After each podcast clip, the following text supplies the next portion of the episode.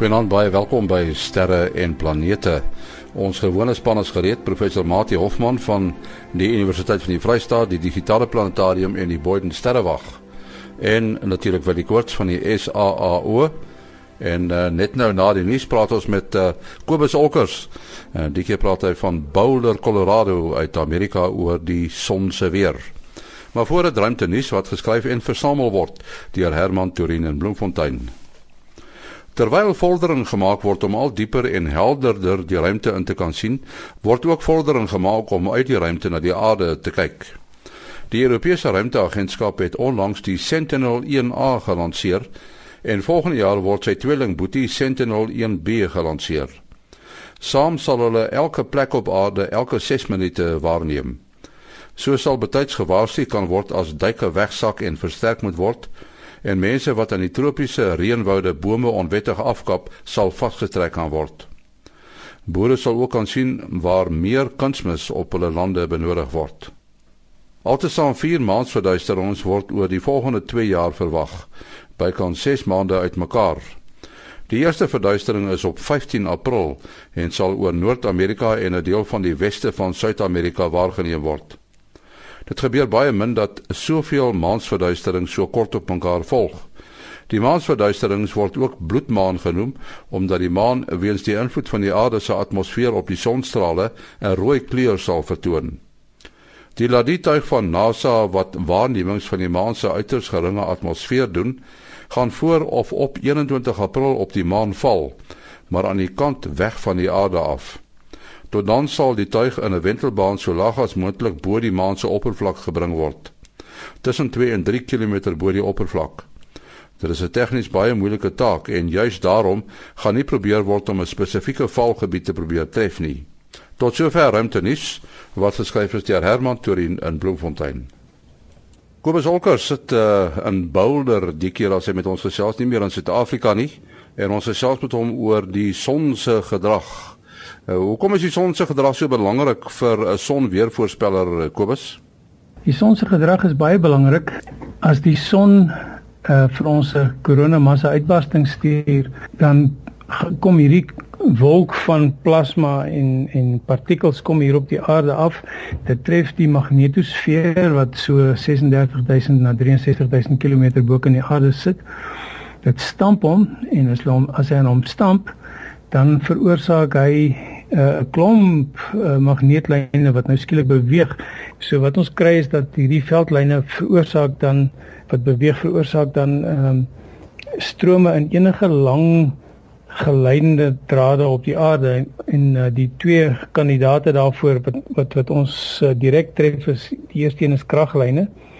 Ehm um, waar ons baie groot baie groot strome kry, gelykstroomstrome wat probeer vloei in hierdie lyne en dan blaas dit die transformators en dit veroorsaak grootskaalse kragverliese en dan in die geval van die internet of telefoonlyne dis te roet dat jy enige breëband internet het vir 'n paar ure op 'n slag. Goed, wat gaan die son doen? Uh O, son is op hierdie oomblik baie baie stil hierdie week.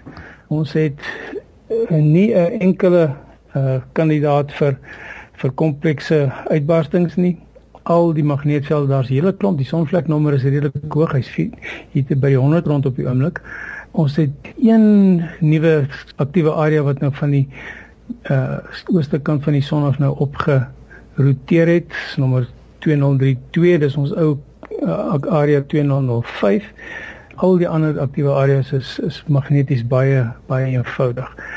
Wat wel interessant is wat nou by hierdie uh kongres uitgekom het die werkswinkel wat wat ek nou bywoon op die oomblik hier in Colorado is dat die die sonvlek maksimum wat nou al eintlik in 2012 moes gebeur het, het nog nie gebeur nie. Uh die son is nog steeds besig om 'n bietjie besigger te raak, maar dit dit is besig om om te lyk asof dit 'n baie baie lae sonsiklus gaan wees. Ons gaan die dit gaan gaan een van die laagste in in, in baie dekades wees.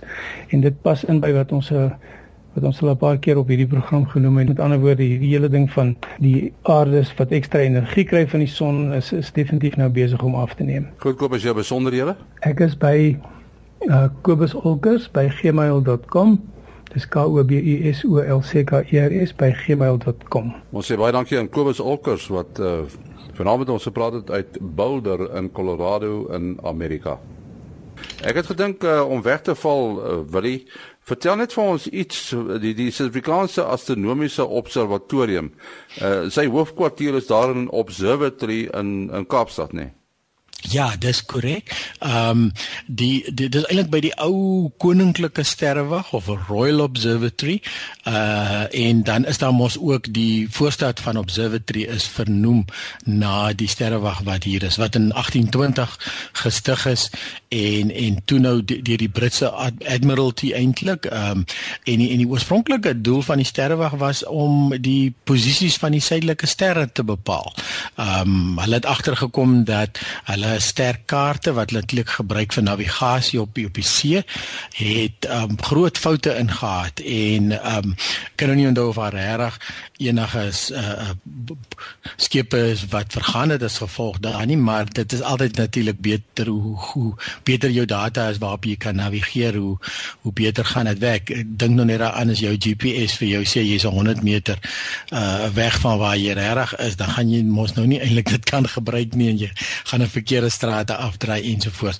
So die die die oorspronklike koninklike sterrewag uh het uh tot hier in die, in die vroeg 70s, 1970s dan op sy eie gewerk en dieselfde het in Pretoria gewees. Daar was 'n sterrewag so in die ooste van Pretoria as ek dit reg het, die ou uh Radcliffe Observatory en daar was natuurlik een in Johannesburg self waar daar ook 'n voorstad observatory vernoem is na die sterrewag en natuurlik die een in Bloemfontein uh en en so voor daai tyd was die sterrewagte maar so versprei oor die land en ehm um, toe het hulle besluit om om uh, natuurlik uh, almal het dieselfde probleem ondervind naamlik lugbesoedeling en nou nie lugbesoedeling nie maar wel stadsliggies wat wat net uh, vreeslik uitgebrei het en die, die jy uh, verloor al jou dowwe sterre uh, selfs deur 'n teleskoop ek meen die die atmosfeer gloei so dat dat dat die dowwe sterre heeltemal verdwyn. Toe uiteindelik besluit om uh, al hierdie uh, sterre wagte 'n uh, soort van half saam te smelt. Um Boyden Madika was miskien net beter vertel, maar Boyden was 'n privaat sterrewag, so dit was nie nie deel van hierdie pakkie nie, maar dit was toe op die ou end die Johannesburg Kaap en dan ook die Radcliffe Observatory by Pretoria wat eintlik 2 jaar later gekom het wat toe saamgesmelt het en die SAO gevorm of die South African Astronomical Observatory of 'n uh, bietjie anglisis anglisisties maar is Suid-Afrikaanse astronomiese observatorium. Wat die hoofkantoor dan hier in in Observatory in die Kaap is by die ou sterre verwag en uh, ons veldstasie is natuurlik uh, in Sutherland waar die waarnemings gedoen word. Uh uh toe die sterrekundiges gaan aan Soontoe is dan vir 'n week of veelvoude van 'n week daar uh gaan heeltemal in 'n nagmodus in wat hulle uh, in die nag uh, werk en in die dag slaap en data versamel en deesdae natuurlik met rekenaars so goed is dit baie maklik jy kan 'n klomp van die data kan jy verwerk sommer al daarso jy kan sien of jy jou antwoorde reg kry ensovoorts en dan as hulle weer terugkom na die hoofkantoor toe uh, dan word die data nou verwerk en um, uiteindelik word dan 'n verhandelings geskryf. En en dit is dan nou eintlik die die uitset van van tipies van 'n sterrewag. Nou ja, ek het gehoor uh, dit is dan uh, die plek waar uh, Willie Koorts werk. En ek het gesê Mati het drie hoedens op en uh, jy sal agterkom ons ons vra so elke nou en dan oor die uh, die nuutste toevoeging daar in Bloemfontein uh, by die sterrekunde aksie en dit is die digitale planetarium. En uh, Mati, ek onthou jy het nog uh, gesê dat die ouens moet nou opgelei word om daardie vreeslike uh, ingewikkelde rekenaar te bedryf wat die digitale planetarium stuur. Hoe gaan dit daarmee? Uh en dit gaan goed. Ons het al gereelde programme wat ons aanbied. Uh dis uh, meestal 'n groep af uh, afsprake van skole of verenigings uh of konferensiegroepe, maar dan vir die algemene publiek het ons elke Vrydag aand twee vertonings. En uh, dit is baie gewild, ons was omtrent altyd vol afhangende van hoe goed ons uh, reklame was, maar ons hoef nie eintlik reklame te doen nie. Die mense hoor nou maar so uh, met die riemtelegram langs en uh, dit is fantastiese tegnologie. So is nie baie maklik baie moeilik om dit vir die mense baie interessant te maak nie. Uh die rede daarvoor is is dat die die die basiese dinge kon daarom redelik gou regkom. Dit is om die mense so 'n bietjie op 'n toer deur die heelal te vat. So mens kan aan die planetarium dink asof dit 'n ruimtetuig met 'n baie groot koepelvormige venster om jou is. Uh en dan uh, word die sogenaamde digitale heelal gevisualiseer. Uh, jy neem mense uh, uh tot in die verste uithoeke van die heelal. Jy kan dan die strukture wat daar in die heelal is vanaf die naby geleë sterre, die sonnestelsel tot ons nou uh, spreekwoordelik uit ons eie sterrestelsel, die Melkweg, uh, kan uitvlieg. En uh, soos ons sê, uh, mooi diagramme en prente sê baie meer as uh, duisende woorde. So deur die die heelal te beleef in terme van sy strukture, verstaan die mense baie gou hoe dinge mekaar steek. En dit gaan nie net oor die verstaan nie, gaan net oor die beleef daarvan, die grootsheid en dit is alles baie mooi. Weet dit is nou maar soos mense die natuur beleef, uh om feitelik altyd as daar nou nie mensgemaakte goed is nie, mensgemaakte goed kan ons nou maar mooi of lelik wees, maar die wat die natuur maak is feitelik altyd mooi. En uh dit geld sekerlik vir die voorwerpe daar buite die uh sterrehemel en uh wel ons is nog steeds baie dankbaar dat ons hier in Bloemfontein so 'n fasiliteit kon kry want uh uh, uh dit maak dat ons daarom deel is van die kom sê nou maar die nasionale gemeenskap in ruimte en sterrekunde. En uh, uh het net nou uh, wil net nou verwys na die Boyden sterrewag. Dis destyds nie geïnkorporeer by die SAAO nie want dit het aan Harvard Universiteit behoort. En Harvard Universiteit het dit uiteindelik in 1976 aan die Universiteit van die Vrystaat geskenk. En die ander dit is nou die Boyden sterrewag wat buite die stad is maar dan die uh, ou sterrewag waar ons die planetarium gevestig het, het weer aan die Universiteit van Michigan behoort uh, en dit is in die middel van die stad op Naval Hill. So uh, daar's nog steeds baie bloemfonteiners wat nie eers weet as eintlik twee sterrewagte nie. Hulle dag partykeer as hulle afspraak gemaak het by die verkeerde sterrewag op. Maar was ons sterrewag dan nou nie uh formeel ingesluit by die SAO nie was daar altyd uh, goeie samewerking want die SAO is 'n uh, nasionale liggaam en hulle moet daarom die sterrekundige gemeenskap in die hele land uh, dek en ons uh, studente en uh, navorsers maak gebruik van daardie uh, nasionale fasiliteite. Nou nou een voorbeeld van samewerking te gee. Ek is seker of wil jy weet nie, maar die hoof van hulle afdeling van die instrumentasie daar by by die SAO in Kaapstad, uh, Dr. Amanda Galbus, wat oorspronklik van MIT afkom het nou die vorige naweek vir ons 'n baie interessante lesing kom gee en 'n goeie besoek hier aan Bloemfontein gebring. Uh dit was nou uh, baie interessant geweest en haar spesialiteit is die die buiteste deel van die uh, sonnestelsel. En dan nou uh, spesifiek oor Pluto. En daar's 'n groot afwagting rondom Pluto met die New Horizons sending wat dan nou volgende jaar 2015 die eerste keer in mense uh die mense geskiedenis gaan ons werklike foto's van nader naderby van Pluto kan sien. Daar's groot afwagting daarvoor. En uh, wil jy een van die baie merkwaardige goed wat sy van vertel het is van die asteroïde met die twee stabiele ringe om wat hulle nou onlangs ontdek het. En uh, daar's geen einde aan die verrassende ontdekkings wat die mense maak nie. So ek dink Suid-Afrika is gelukkig. Ons het 'n baie redelike sterk, nou nie baie groot nie, maar 'n sterkende gemeenskap wat 'n baie goeie interaksie met mekaar is. Maar een van die uitdagings is om hierdie gemeenskap te laat groei omdat ons sulke groot internasionale projekte het. Ja, ek moet ek moet net uh, by sê daarso ek het uh, met haar lekker gesels na besoek en uh, sy het dit regtig geniet en ek moet sê sy was baie baie beïndruk met die planetarium alhoewel sy sommer sê 'n Amerikaner is, 'n mens dink hulle is aan sulke goed gewoond. So uh, ja, nee, so julle julle is definitief aan die aan die voortou daar, definitief in Suid in Afrika en Suid-Afrika beslis. Goed, kom ons uh, gaan nou diep in die ruimte in en uh, ons het uh, twee vrae gekry van 'n luisteraar. Is dit nou Willie Piet van 'n Wald, nê? Nee. Uh, dit dit klink nou eintlik uh, weet soos mense sou sê eenvoudige vraag. Die eerste vraag is hoekom is 'n planeet rond? En die tweede vraag is hoekom is daar nie asteroïdes wat om die aarde beweeg nie? Wil jy miskien moet jy eers praat oor hoekom is 'n planeet rond?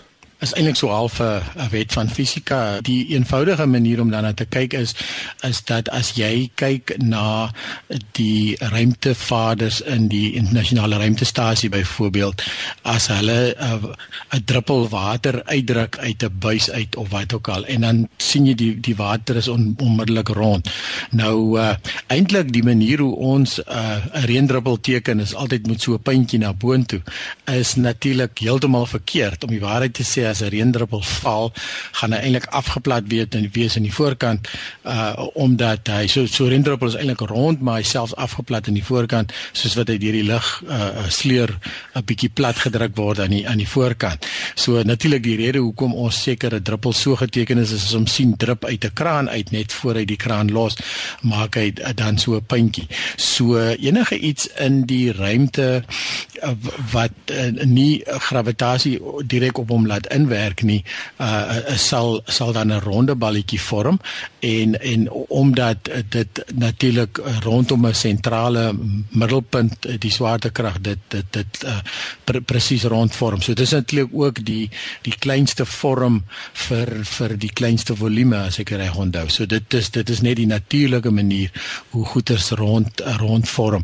En ehm um, as ons nou ook dink aan die ruimtetuig, aan die ruimtestasie en ehm um, die pendeltuig en wat ook al jy sien dat die mense is besig om te dryf daar so eintlik gewigloos. En uh, so eintlik wat gebeur is is dat hierdie ruimtetuig is besig om te val die hele tyd maar hy val nooit nie want dieselfde radius as wat hy om die aarde beweeg uh, so val die aardoppervlak gelyktydig weg van van hom af. So eintlik voorwaarts is spoed besig om te val en en is dan in 'n netjie se wentelbaan. So dis natuurlik presies wat met die planete ook gebeur uh, en dan um, uh, wat dan in 'n wentelbaan is om die son en en uh um, so ook besig om te probeer wegvlieg maar die son trek hulle die hele tyd terug. So dat daar is die die swaartekrag van die son uh, werk nie effektief op die oppervlak in wat die oppervlak dan nou sal dit skeef trek nie. Maar um die die die um, die middelpunt waar waar die noems ons sê die gravitasie alles na toe neig is dan is dan die punt wat alles aantrek. En dis ook natuurlik hoekom ons al alhoewel ons ook down under is hier in Suid-Afrika, ons is 'n redelike 30 40 grade suiderbreedte. Uh um so ons is ook eintlik onderste bo van ons voete wys na die middelpunt van die aarde toe en dis natuurlik ook ons kan dit direk sien deur uh na die um sterrebeelde te kyk. Dit is ook vir ons onderste bo Orion staan op sy kop en so voort. Uh want die goed is eintlik in die noordelike halfrond uh, uh uitgedink waar die mense ek sê maar sê effektief regop staan. Natuurlik in die ruimte is daar nou nie 'n bo en 'n onder spesifiek nie. So mense kan nou amper dink aan die aan die aarde as bestaande uit 'n baie hoë viskositeit vloeibare medium wat in 'n vryval om die son is en in daai opsig geld dan die die analogie van wat 'n waterdruppel sal doen. Maar dit dit is natuurlik vir ons moeilik om aan die harde kors hier onder ons te dink as vervormbaar en vloeibaar. Veral as ons aan die rotse dink, maar die feit is daar so groot massa en die gravitasiekrag uh, is so sterk dat uiteindelik gegee genoeg tyd uh, sal dit rond word en dan rond bly. En daar was natuurlik ook 'n tyd wat daar baie meer vloeibare materiaal binne die aarde was. Uh, as ons nou aan die uh, ruimtestasie se ding sien nou maar in plaas van water het 'n mens nou 'n baie taai vloeistof uh, of medium soos sê net maar goue stroop, dan sal dit nou so 'n bietjie langer vat voor daardie druppeltjie gaan gaan rond word, dood omdat hy stywer is. Uh maar nou kan mens dan vra as as dit dan nou waar is van die van die aarde en die planete dat hulle uh, uh rond is, wat van die asteroïdes? Want die asteroïdes is beslis nie rond nie. Uh die die rede is in daai geval is hulle gravitasie te klein, daar's te min massa in vergelyking met hulle uh, met hulle styfheid. Hulle daar's nie groot genoeg krag om daardie starheid uh, te oorkom nie. Maar sodra die voorwerp groot genoeg word, dan kom ons by die dwergplanete.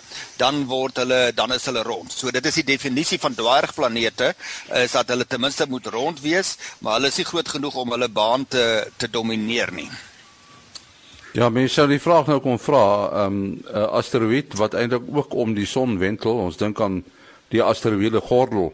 Hoekom is daai klippe nie rond nie? Ja, dis dan omdat hulle te klein is. Maar as jy nou die grootste van die asteroïdes vat uh so uh Ceres, uh hy is dan nou dink ek hier so net na 2005 toe hulle die definisies van dwergplanete en planete geformaliseer het en Pluto sy status uh verloor het as planeet en 'n dwergplaneet geword het. Uh dis toe het hulle gesê, okay, die die die iets so Ceres en Pluto word onderskei van onderskei van ander asteroïdes by wyse van die feit dat hulle rond is, hulle is groot genoeg uh daarvoor. Wat is hoekom is daar dan nie asteroïdes wat om die aarde wentel nie of is daar? Uh ja, ja, daar is nogal. maar nie op die oomblik nie. Uh dit is uh so 'n klompie jaar terug, nou so 3, 4 jaar terug het ons wel 'n rots gekry. Uh ek noem dit sommer 'n rots uh, ek neem aan jy kan hom klassifiseer as 'n asteroïde wat wel uh deur die aarde gevang is en vir 'n ruk uh, in 'n wentelbaan rondom die aarde gewees het. Interessant genoeg, dit is die tyd toe SALT ehm um, se instrumentasie nog 'n probleem gehad het sodat die die tyd op die teleskoop was so half beskikbaar vir enige van sy ehm um, uh, rolspelers die die um, uh, partners wat dit nou mooi in Afrikaans sê die vennote. vennote ek dit is reg. En um, en interessant genoeg toe een van die kleinste vennote wat Poland was uh, het 'n klompie mense wat um, in hierdie asteroïdes belangstel. Uh, so die kleinste uh, uh, uh, uh, vernoot het na die kleinste voorwerp gekyk met die grootste teleskoop in Suid-Afrika. En um, en die goed is natuurlik nou uh, omdat dit baie klein is uh, alhoewel hulle naby is uh, is natuurlik baie moeilik om te sien want hulle is nie baie helder nie. Hulle oppervlakke is ook maar maar uh, taamlik donker kleurig en um, maar die groot probleem hier by die aarde is die is ons maan. En en nou ja van al die planete is, is on, het ons die grootste maan relatief tot ons grootte van ons planeet. So daar is wel groter maane as ons eie maan, uh fisiese afmetings, maar in vergelyking met ons grootte van die planeet het ons dan die grootste maan. Interessant genoeg, die tweede grootste maan is Pluto, maar Pluto uh um, of eintlik Pluto se maan is relatief nog groter met sy planeet, uh maar Pluto is nou nie meer 'n amptelike planeet nie. Um en en so ons het eintlik half 'n binêre stelsel van twee baie redelike groot liggame wat in 'n wentelbaan om mekaar is. So vir 'n asteroïde of 'n derde maan uh, of tweede maan, ekskuus, 'n derde liggaam uh, om om 'n stabiele baan te uh, te vind uh, is nogal nie, nie maklik nie want jy omdat jy hierdie twee groot liggame het wat rondom mekaar het, dis daar 'n derde ene uh, in 'n wentelbaan is, is dit 'n probleem en gewoonlik word so 'n tweede maan dan nou of 'n asteroïde in die geval soos wat die uh, uh, Piet se vraag hier sou lê, uh, uh, kry gewoonlik nie 'n stabiele baan nie en en word binne 'n klompie omwentelings weer uitgewerp en en dan weer in die buitenste ruimte uitgegooi. Ja, so die die antwoord die kort antwoord is basies ja, daar is wel uh, uh, asteroïdes wat wat voorheen al in 'n tydelike 'n tydelike tweede maan rondom die aarde was of uh, ek weet nie of al selfs meer as een was nie. Ehm um, maar dit hou gewoonlik nie baie lank nie omdat die bane nie stabiel is nie. Ja, uh, kom ons kyk 'n bietjie na die naghemel, Mati. Uh in die aand uh Jupiter is nou nog daar.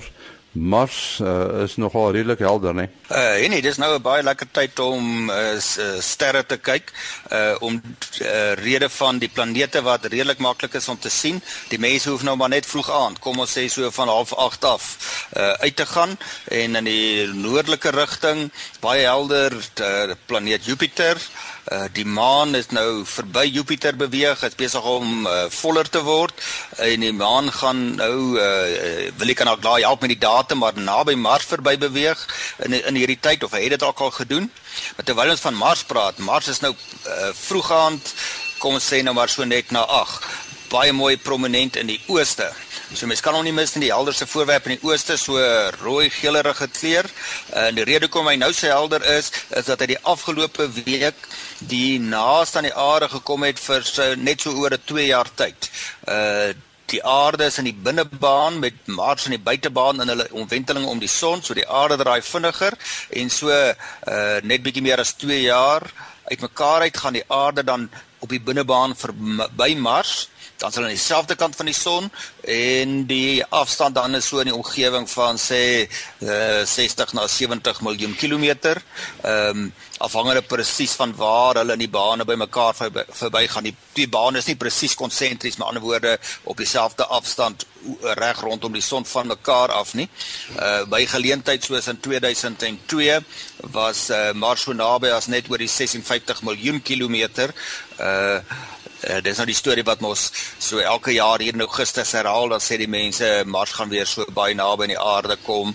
Uh maar gewoonlik is dit maar 'n bietjie aangedik en in elk geval nie meer van toepassing vir uh wat daai spesifieke inligting betref wat in 2002 gegeld het nie. Dit is die 14de April, dit wil sê môre aand, maandag aand.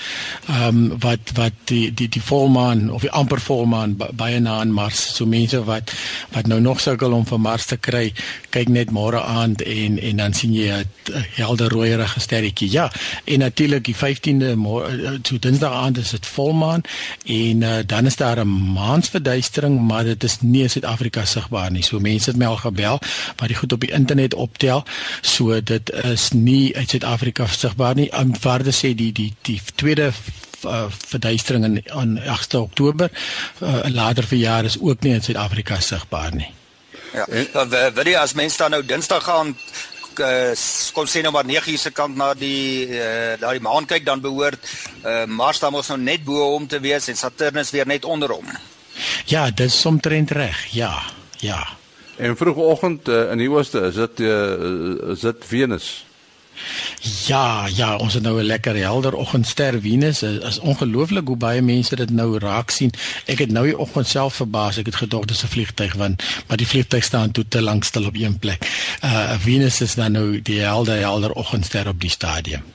Ja, dit word nou uh, winter, dit is nou herfs, maatie. Hoekom kyk 'n mens uh, makliker na die sterre in die winter? Uh dis asof hulle helderder is, is dit uh, meer 'n uh, stabiele lug?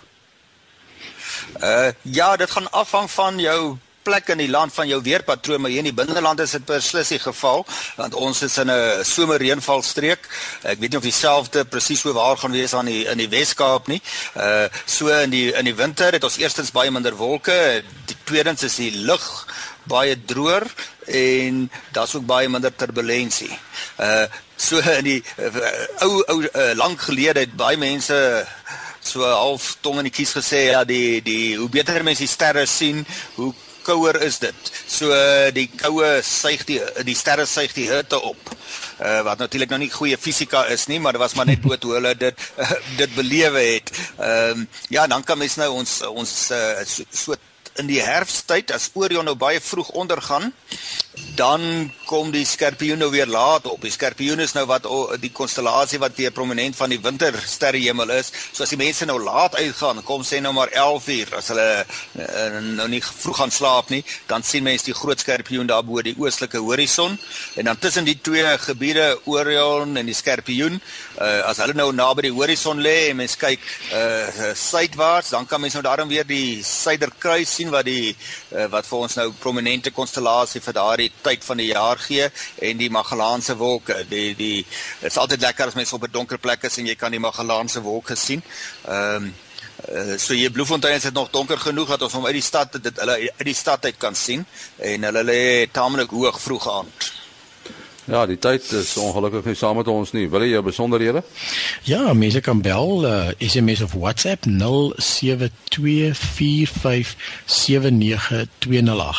0724579208. Mati 0836257154 0836257154 en ek het soos Willie ook intussen tyd bygekom met WhatsApp so die mense kan van SMS of WhatsApp gebruik maak. My e-posadres maas.henny@gmail.com maas.henny@gmail.com. Tot volgende keer, alles van die beste.